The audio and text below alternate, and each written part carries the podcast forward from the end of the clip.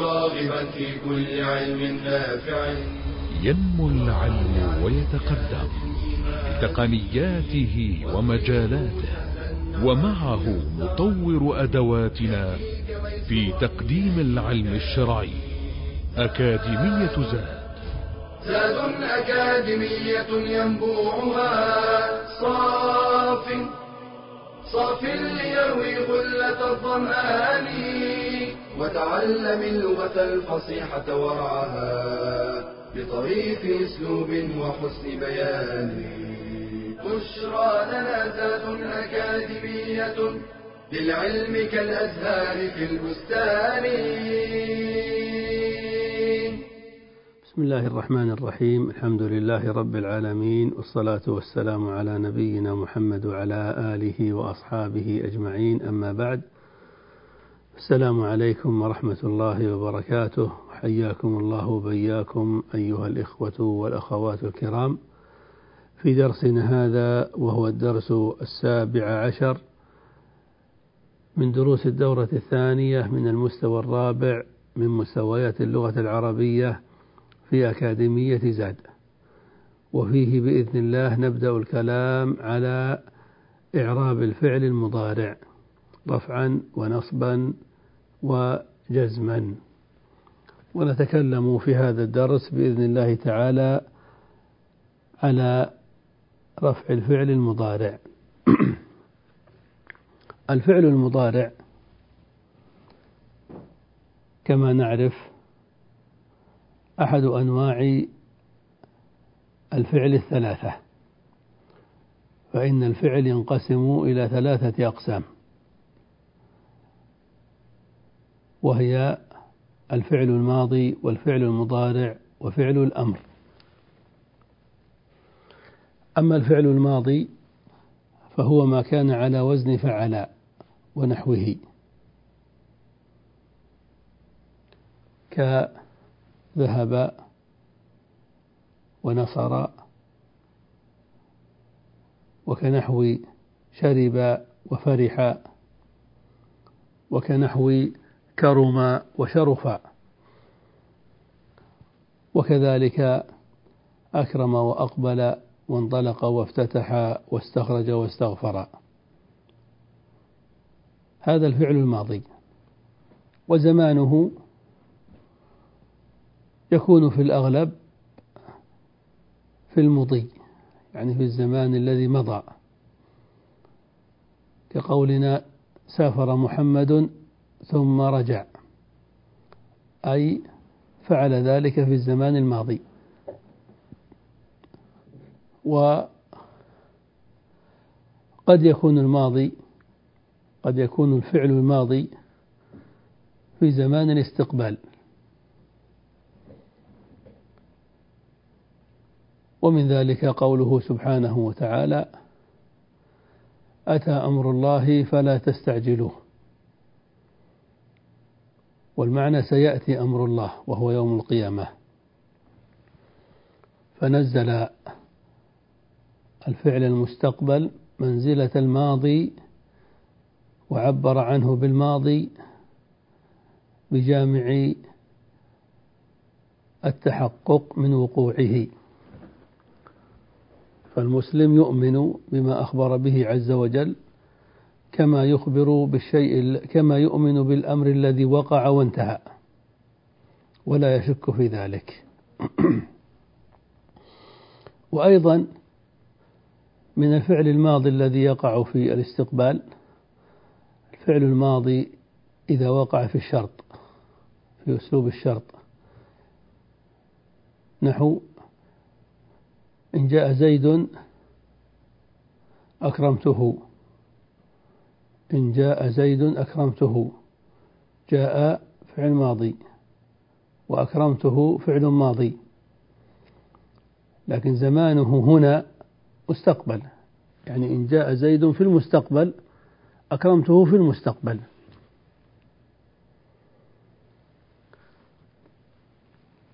فهذا ما يتعلق بالفعل الماضي من حيث التعريف وزمانه. وأما الفعل المضارع فهو الفعل الذي يكون على وزن يفعل ونحوه كيذهب وينصر ويشرب ويفرح ويحسن ويشرف وكذلك ينطلق ويفتتح ويستغفر ويستخرج.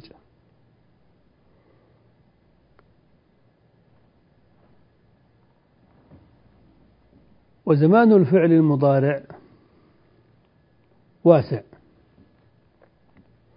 فالأصل فيه أنه لزمان الحال يعني زمان التكلم يعني الزمان الذي يتكلم فيه صاحب الفعل.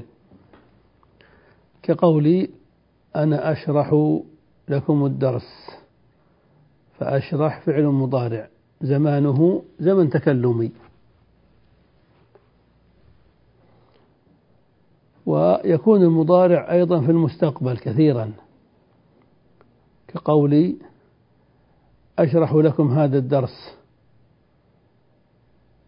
فيما بعد. وكقولي سأذهب إلى زيد وأخبره بذلك.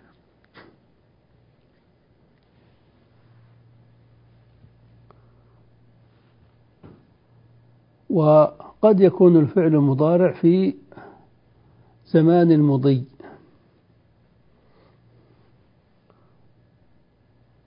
كالفعل المضارع إذا سبق بلم. نحو زيد لم يسافر. تريد لم يسافر في الزمان الماضي. لم يسافر من قبل. لم يسافر.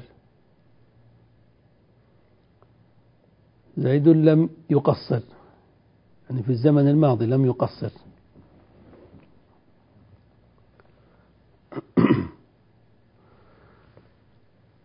فهذا هو الفعل المضارع.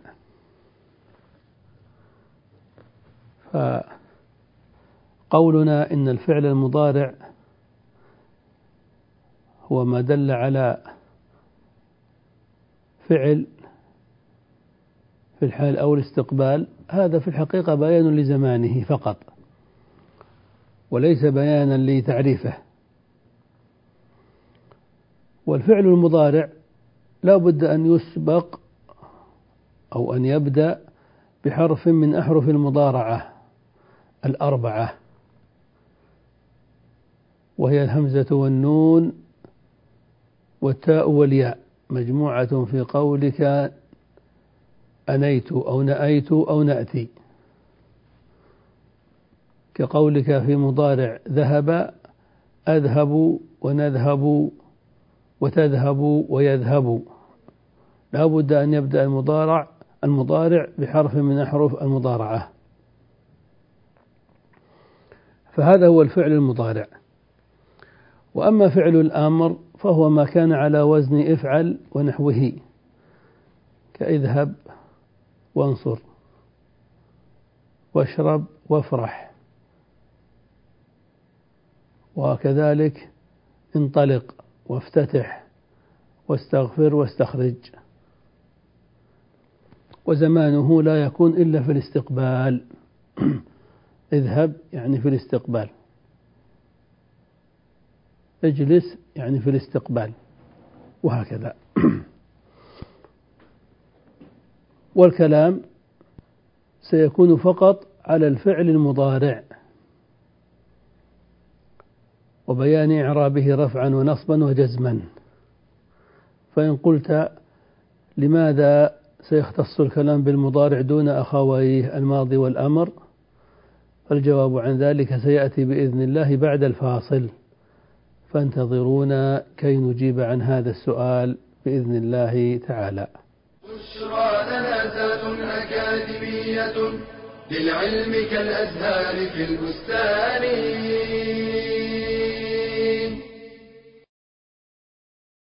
نعم الله علينا كثيرة جدا. لا نستطيع لها حصرا ولا نطيق لها شكرا إلا أن يوفقنا الله لذلك. قال تعالى وإن تعدوا نعمة الله لا تحصوها إن الإنسان لظلوم كفار. وإن من النعم ما هو معتاد متكرر. ومنه ما هو متجدد. فإذا تجددت للعبد نعمة أو اندفعت عنه نقمة فيستحب له أن يسجد لله شكرا. فقد كان النبي صلى الله عليه وسلم إذا جاءه أمر سرور أو بشر به خر ساجدا شاكرا لله. وسجد أبو بكر لما أتاه فتح اليمامة وسجد علي بن أبي طالب عندما انتصر على الخوارج وسجد كعب بن مالك لما جاءته البشرى بتوبة الله عليه وليس له حكم الصلاة فلا يشترط له طهارة ولا غيرها من شروط الصلاة بل يسجد ويقوم بلا تكبير ولا تشهد ولا تسليم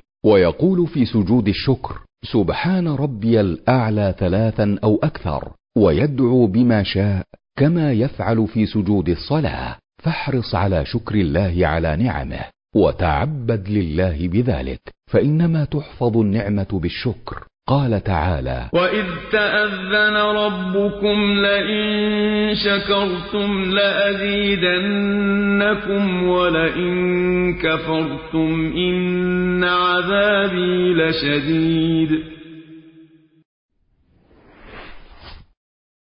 بشرى لنا ذات أكاديمية للعلم كالأزهار في البستان. بسم الله الرحمن الرحيم. قلنا إن الكلام سيكون على الفعل المضارع فقط دون أخويه. والجواب عن ذلك أن الإعراب يعني الأحكام الإعرابية لا تدخل إلا على المضارع فقط. فالمضارع هو الذي تدخل عليه الأحكام الإعرابية ويدخله منها الرفع والنصب والجزم. بخلاف الماضي والأمر فهما لا يدخلهما حكم إعرابي. وسبق بيان ذلك وتفصيله في الكلام على باب المعرب والمبني في أول النحو. وعرفنا حين ذاك أيضا أن الفعل الماضي مبني دائما وأن فعل الأمر مبني دائما أيضا. فهذان الفعلان الماضي والأمر مبنيان دائما. أما الأمر فمبني على الفتح. إما الظاهر إن ظهر وإما المقدر إن لم يظهر. وأما الأمر فإنه يبنى على ما يجزم به مضارعه فلهذا يبنى على حذف النون إذا كان أمرا من الأفعال الخمسة كيذهبون. اذهبوا ويذهبان. اذهبا وتذهبين. اذهبي. ويبنى على حذف حرف العلة إذا كان أمرا من معتل الآخر. كيدعو أدع ويرمي إرم ويخشى إخش. ويبنى على السكون فيما سوى ذلك كيذهب اذهب ويسمع اسمع.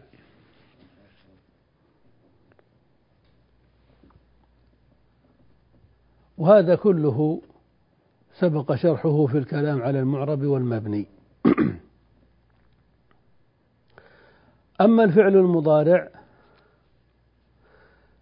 فقد دخله الإعراب والمبني والبناء. فيأتي معربا ويأتي مبنيا.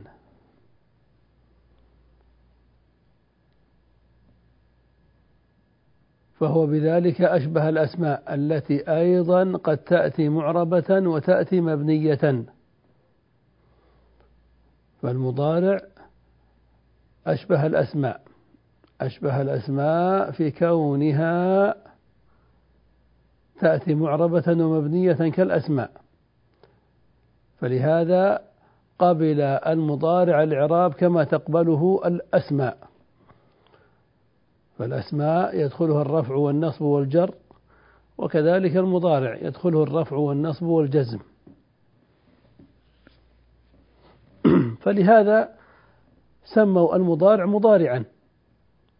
المضارع في اللغة هو المشابه. سموه مضارعا لأنه الفعل الذي يضارع الأسماء أن يشابهها. في الأحكام اللفظية والمعنوية. ومن ذلك أن المعرب قد يكون معربا ومن ذلك أن المضارع قد يكون معربا وقد يكون مبنيا. فالأكثر في المضارع أن يكون معربا. ولكنه يبنى في موضعين. طيب. ما معنى كونه معربا؟ سبق شرح ذلك يعني أن حركة آخره تتغير. تقول يذهب ويذهب ويذهب. محمد يذهب إلى البيت ومحمد لن يذهب إلى البيت ومحمد لم يذهب إلى البيت. الحركة التي على آخر يذهب تغيرت يعني معرب لأن المعرب هو المتغير. وكذلك تقول يذهبون وتقول يذهب محمد الرجال يذهبون إلى البيت ولن يذهبوا إلى البيت ولم يذهبوا إلى البيت. تغير الفعل يذهبون إلى يذهبوا إذا أيضا معرب. فالأكثر في الفعل المضارع أنه معرب يعني أن آخره يتغير بتغير إعرابه. يعني في الرفع نضع علامة رفع وفي النصب علامة نصب وفي الجزم نضع علامة جزم. إلا أن المضارع يبنى في حالتين فقط. يبنى ما معنى يبنى؟ المبني يعني اللازم الذي لزم حالة واحدة. لا تتغير مهما تغير الإعراب. في الرفع في النصب في الجزم يلزم حالة واحدة. هذا معنى مبني. والمضارع يبنى في حالتين. ما هما؟ الحالة الأولى إذا اتصلت به نون النسوة. إذا اتصلت به نون النسوة نون مفتوحة تعود إلى جمع مؤنث. كقولك الطالبات يدرسن والنسوة يرضع والوالدات يرضعن والمطلقات والمطلقات يتربصن والسيارات ينطلقن وهكذا. لو تأملنا في الفعل يذهب هو في الأصل معرب يذهب يذهب يذهب. لكن اتصلت به نون النسوة سنقول في الرافع الطالبات يذهب نا آخر يذهب لزم السكون. وكذلك في الناصب الطالبات لن يذهبن أيضا لزم السكون. وكذلك في الجزم الطالبات لم يذهبن أيضا لزم السكون. فنقول إن المضارع حينئذ بني على السكون يعني لزم السكون. لماذا؟ لاتصاله بنون النسوة. والحالة الثانية لبناء المضارع إذا اتصلت به نون التوكيد الخفيفة أو الثقيلة. نون التوكيد الخفيفة نون الساكنة. ونون التوكيد الثقيلة نون مشددة. كما في قولك هل تذهبن يا محمد أو هل تذهبن يا محمد أو لا تلعبن يا محمد أو لا تلعبن يا محمد؟ فالفعل تلعب في الأصل معرب يلعب ويلعب ويلعب لكن لما دخلت عليه نون التوكيد ستجد أن آخره يلزم الفتح سواء في الرفع كقولك هل تذهبن؟ لأن هل كما سيأتي ليست من النواصب ولا الجوازم. إذا الفعل حكمه الرفع. ومع ذلك لزم آخره الفتح. هل تذهب بن وكذلك لو قلت لا تذهبن مع أن لا كما سيأتي جازمة. يعني أن الفعل حكمه الجزم ومع ذلك لزم الفعل البناء على الفتح. فتقول لا تذهبا لا تذهبن. فدل ذلك على أن المضارع هنا مبني على الفتح.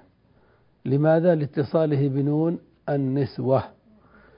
إذا فالمضارع يكون معربا وهذا الأكثر فيه يعني أن حركة آخره تتغير بتغير إعرابه ويبنى في حالتين فقط. الأولى إذا اتصلت به نون النسوة ويبنى على السكون. والثانية إذا اتصلت به نون التوكيد ويبنى على الفتح. وسواء كان المضارع معربا أم كان مبنيا لا بد أن يدخله حكم إعرابي رفع أم نصب أم جزم. وهنا تسأل فتقول طيب متى يكون حكمه الرفع؟ ومتى يكون حكمه النصب؟ ومتى يكون حكمه الجزم؟ وهذا الذي سنجيب عنه إن شاء الله بعد الفاصل. فانتظرونا. بشرى أكاديمية للعلم كالأزهار في البستان.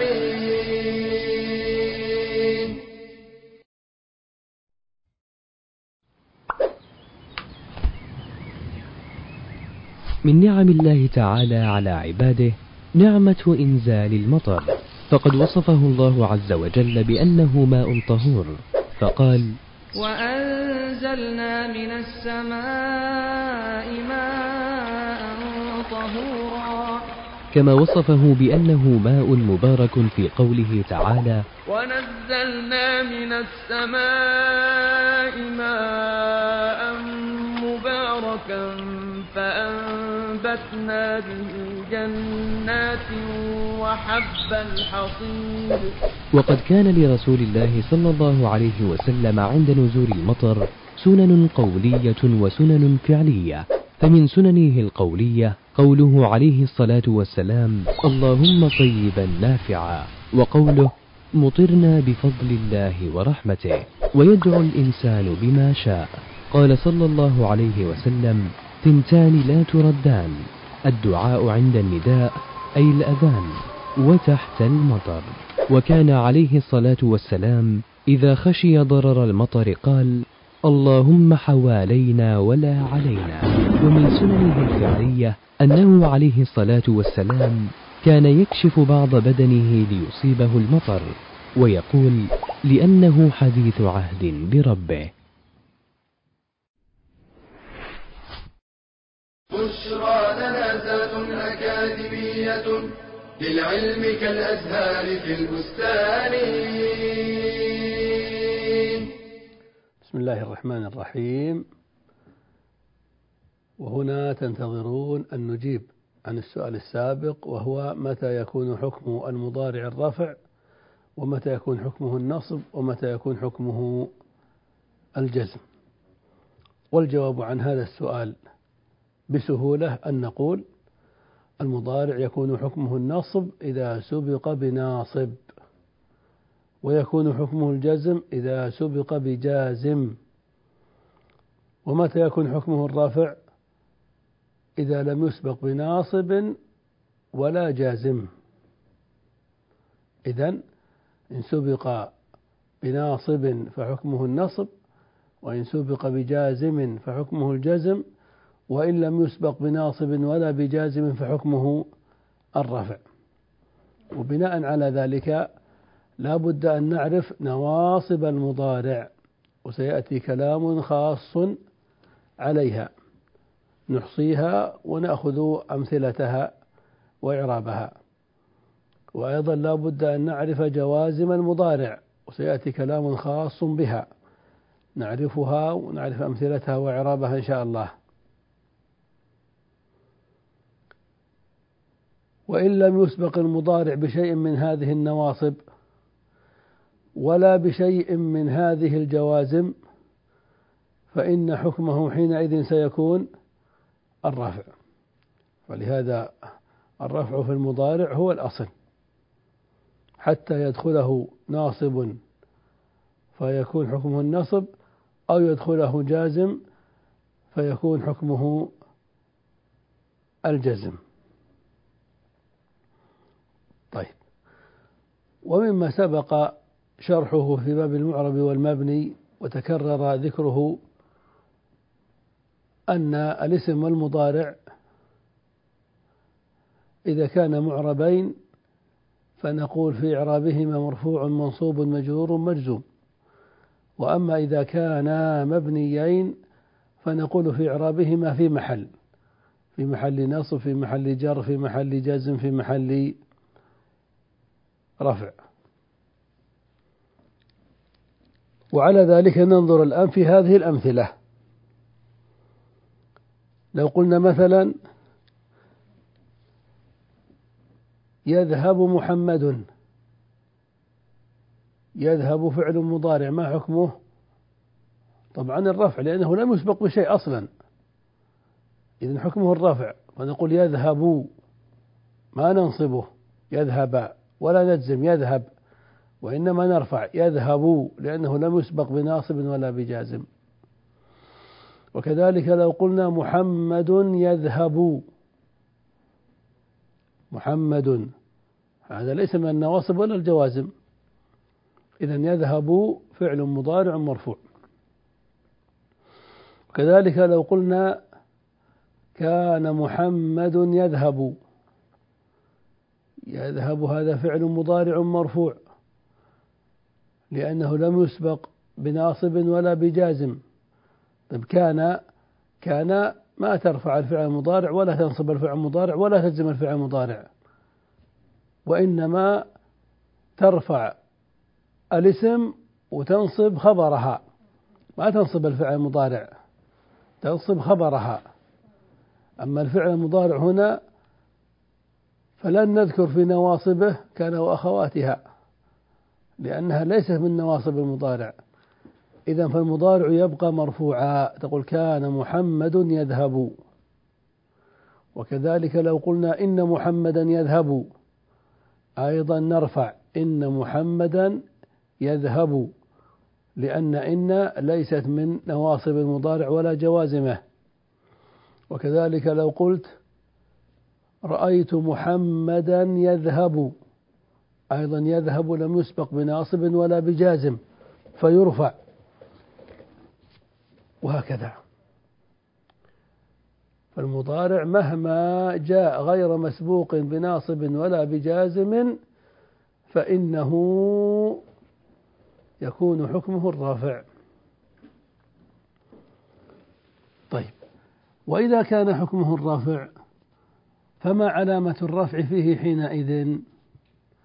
علامة الرفع سبق الكلام عليها في المعرب والمبني ولكن نعيدها الآن تذكيرا وتفصيلا للفعل المضارع. علامة الفعل علامة رفع الفعل المضارع لن تخرج حينئذ عن الضمة مقدرة أو ظاهرة وعن ثبوت النون. كما درسنا ذلك في المعرب والمبني.